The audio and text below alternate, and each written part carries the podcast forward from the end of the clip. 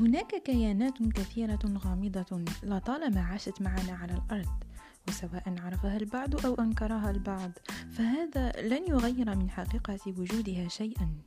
وإن كانت المعرفة هي ظل الحقيقة فالحقيقة الكاملة تختفي خلف ستار رقيق.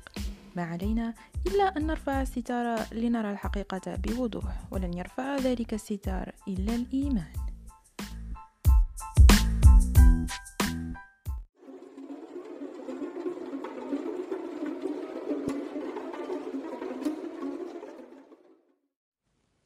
لست مخدوعا. ما رأيته كان حقيقيا.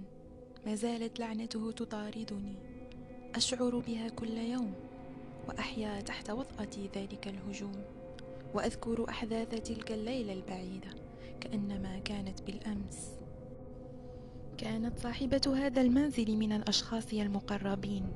كان الطلاء على جدران البيت يقع بشكل ملفت للنظر.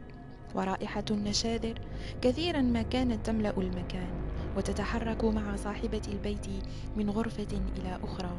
استدعى رب هذه الأسرة شخصا معروفا بقدرته على طرد الأرواح بعد أن فاض الكيل وبدأ الزوجان يشعران بأشواك في الفراش تمنعهما من الركود كلما أراد النوم أو تمددا على الفراش.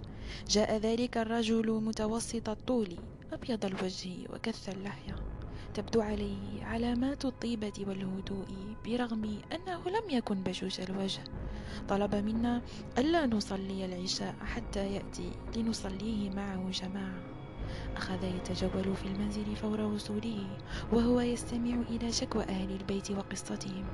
ثم أجلسنا في الغرفة الرئيسية وذهب يؤذن للعشاء وهو يوجه صوته إلى كل أرجاء المنزل.